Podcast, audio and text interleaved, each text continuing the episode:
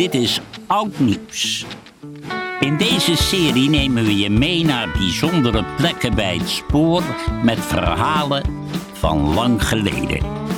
Ga mee naar het Zeeland van toen en luister mee naar de eerste aflevering van het drieluik van de Zeeuwse lijn, De Gestrande Tsaar. On the road all the time. Where I go, baby, I don't mind.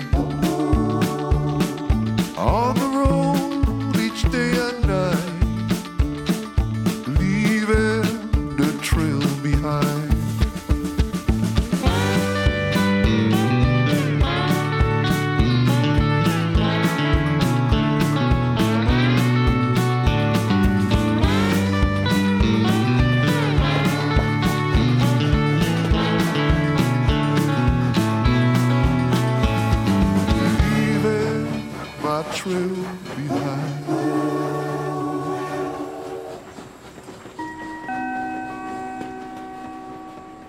Goedendag, ik ben eh, Marius Broos en sinds jaar en dag heb ik belangstelling voor geschiedenis en met name het spoorweggebeuren. Hier in Zeeland of hier in Vlissingen is de lijn Roosendaal-Vlissingen, of wel de Zeeuwse lijn, een begrip. Daar is men mee begonnen met de aanleg in 1863. Men heeft er negen jaar over gedaan en men was in 1872 pas in Vlissingen. Het vervoer op zich op die Zeeuwslijn is eigenlijk altijd minimaal geweest.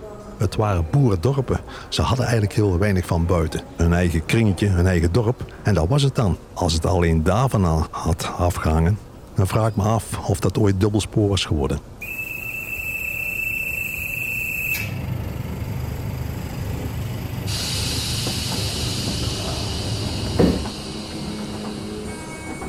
Twaalf jaar?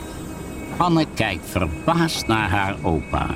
De trein waarin ze zitten wiegt langzaam heen en weer... en zo schommelen ze zich zachtjes door het vlakke Zeeuwse land... tussen Vlissingen en Middelburg. Je ging voor twaalf jaar in dienst bij de marine. Maar hoe oud was je toen dan? Opa Frans kijkt naar buiten. Ik was net 16 geworden.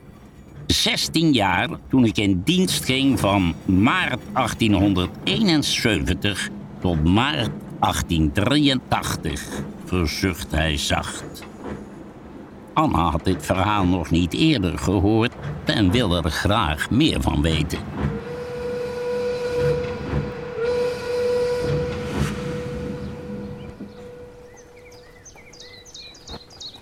In die tijd had Vlissingen nog niet eens een station.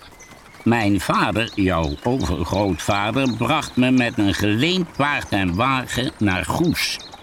Daar stapte ik op de trein naar Leiden om me te melden bij de kweekschool voor zeevaart. Toen wist ik nog niet dat ik Vlissingen zeker een jaar niet terug zou zien.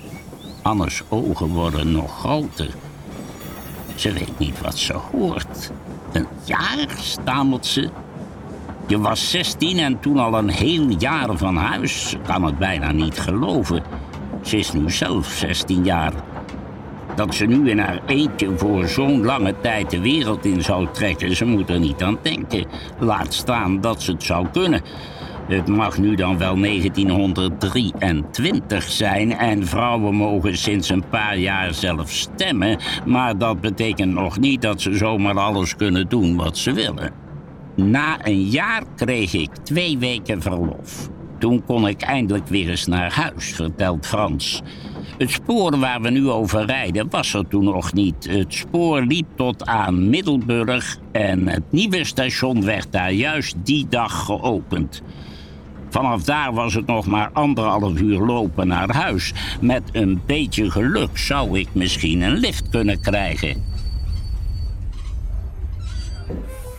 Maar toen ik aankwam, bleek er van alles te doen in de stad. Het was groot feest, dus ik besloot nog even te blijven. En dat was maar goed ook, want op het bruisende marktplein ontmoette ik voor het eerst je oma. We dansten daar tot we de sterren zagen.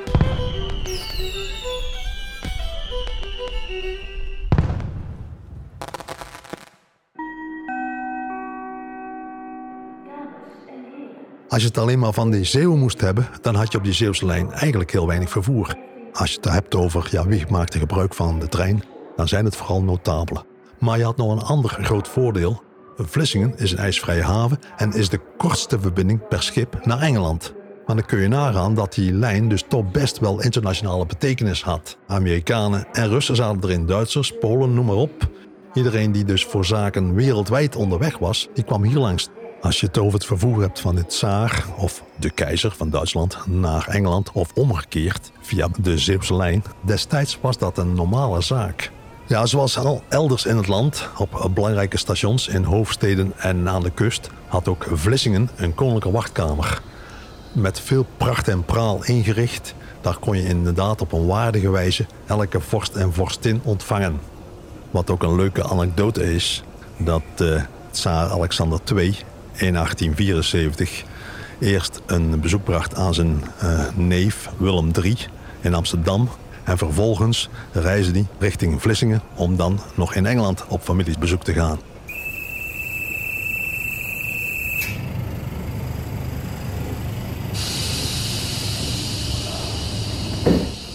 En daarna, vroeg Anna enthousiast, wanneer zagen jullie elkaar weer? Opa dacht even na. Een jaar later, meen ik. We zagen elkaar pas een jaar later weer. Het schip waar ik op zat moest in Vlissingen zijn... voor een officieel bezoek van tsaar Alexander II. Dat was op 12 mei 1874.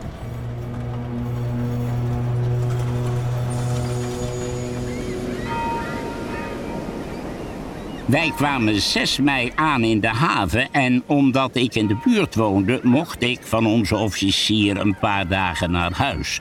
Onderweg liep ik haar bij puur toeval tegen het lijf. Zijn ogen begonnen te glinsteren toen hij terugdacht aan dat ongelofelijke geluk. Ze werkte inmiddels als dienstmeid bij een rijke familie in de stad... vlakbij het huis van mijn ouders... We zagen elkaar daarna elke dag. Tot ik op 12 mei weer aan boord moest om de tsaar uit te zwaaien. De avond ervoor spraken we af dat ik haar daarna weer zou opzoeken. Maar dat kwam er alleen niet van. Hé, maar waarom dan niet? Was er iets gebeurd? vroeg Anna. Ik mocht niet naar haar toe. De pijn van toen trof Frans weer in het hart.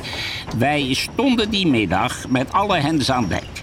Het spoor was net klaar en de tsaar kwam met zijn eigen trein aan op het station van Vlissingen. Daar stapte hij over op zijn eigen boot. En daarmee zou hij dan vertrekken naar Engeland. Het was een groot spektakel. Alle matrozen moesten op commando hun pet afnemen en in koor drie keer hoera roepen. Zelfs prins Hendrik stond op de kade om de tsaar uit te zwaaien. De trossen werden losgegooid en de boten zetten langzaam koers de haven uit. Het commando werd gegeven en in koren galmde een prachtig hoera over het water. De tsaar stond op het dek en zwaaide lachend terug naar de kade. Maar bij de tweede hoera liep de boot plots vast op de helling van de dam.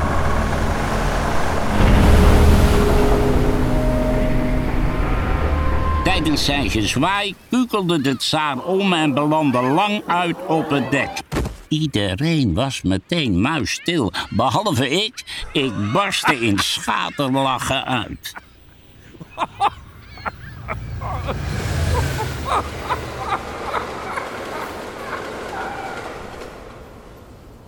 Helaas voor hem die dag, bij het uitvaren, kwam dus het koninklijke jacht of het keizerlijke jacht op de strekdam terecht. Een windstoot is soms voldoende om zo'n schip dat dat op de wal liep. En ik kon er niet afkomen totdat het weer hoog water werd de volgende ochtend. En pas toen is die reis verder gezet. De uitzwaaiende heren hier uit Nederland, de prins en de koning, die schaamden zich daarvoor. Die lieten zich toen ook niet meer zien totdat hij weg was. Zelfs nu, jaren later, begon opa weer te schaterlachen terwijl hij aan dat tafereel terugdacht. De tuimelende tsaar. Ik kon er echt niets aan doen, maar daar had de bootsman geen enkele boodschap aan. Ik kon meteen vertrekken. Ik kreeg een enorme uitbrander van de kapitein en als straf nog eens twee dagen verplicht corvée. Ik kon die dag dus niet naar je oma toe, omdat ik simpelweg mijn lach niet kon inhouden. Vanaf dat moment schreven je oma en ik elkaar brieven en we telden de dagen af tot mijn volgende verlof.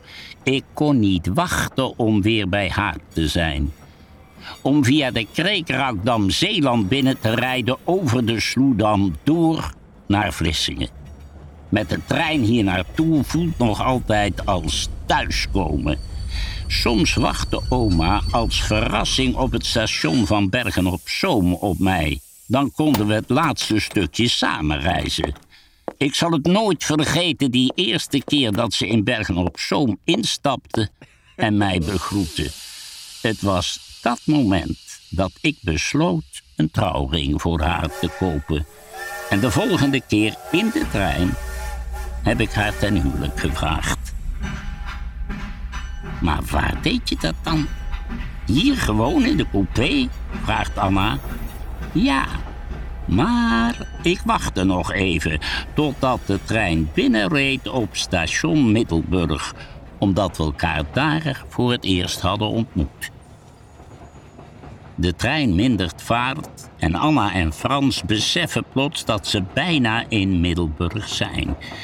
Ze kijken elkaar even glimlachend aan. Het is het einde en het begin van een prachtig verhaal. Als de trein met kleine schokjes tot stilstand komt, weet Anna... deze plek is vanaf nu anders geworden. Mooier en onlosmakelijk verbonden met dit moment... door het verhaal van haar opa.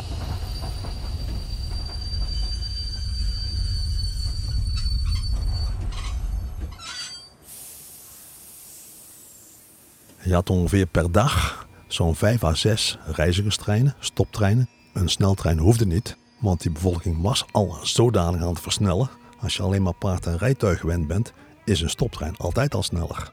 Dan is er één keer per dag een goederentrein. En één goederentrein was tientallen jaren lang voldoende voor het plaatselijke vervoer. Pas in de jaren 20 dan komt er een tweede goederentrein. En pas in de jaren 50 gaat dat uh, meer worden, omdat er dan industrieën zich vestigen in Middelburg en in Vlissingen ook. En als de toeristische sector natuurlijk ook uh, aanwakkert in de jaren 60, ja, dan gaat men ook makkelijker op reis. Ja, dan heb je meerdere goederentreinen en reizigerstreinen. De Zeeuwslijn, dat was een perfecte verbinding voor de bevolking van Zeeland.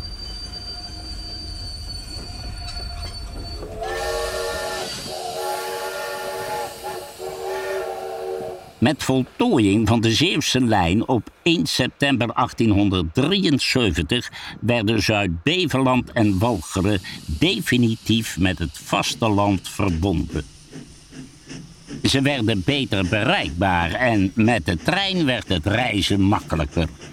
In Vlissingen werd door de aanleg van het spoor een veerdienst naar Engeland ingesteld. Het werd een belangrijke schakel in het reizen tussen Berlijn en Londen. Speciale boottreinen reden tussen Berlijn en Vlissingen, waar diverse vorsten en diplomaten graag gebruik van maakten. In de eerste 50 jaar van haar bestaan was de Zeeuwse lijn van groot belang op het gebied van internationaal treinverkeer. In de aanloop naar de Eerste Wereldoorlog en de periode daarna werd de verbinding tussen Londen en Berlijn logischerwijs weinig gebruikt. Het kwam zelfs uiteindelijk te vervallen en het regionaal belang kwam daardoor meer op de voorgrond. De nadruk kwam te liggen op het vervoer van toeristen en andere reizigers. Een kleine hobbel in de geschiedenis van de Zeeuwse lijn die eenvoudig genomen werd. De hobbels in de daaropvolgende 50 jaar waren van grote invloed op de spoorlijn en de provincie. Maar dat hoort u in een volgende aflevering.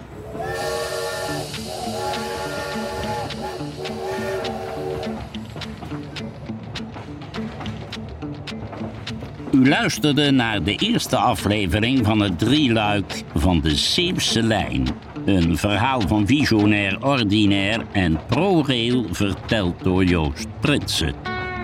In de serie Oud Nieuws nemen we luisteraars mee naar het verleden op plekken bij het spoor. Ga voor meer verhalen naar www.prorail.nl slash oudnieuws. Tot de volgende keer.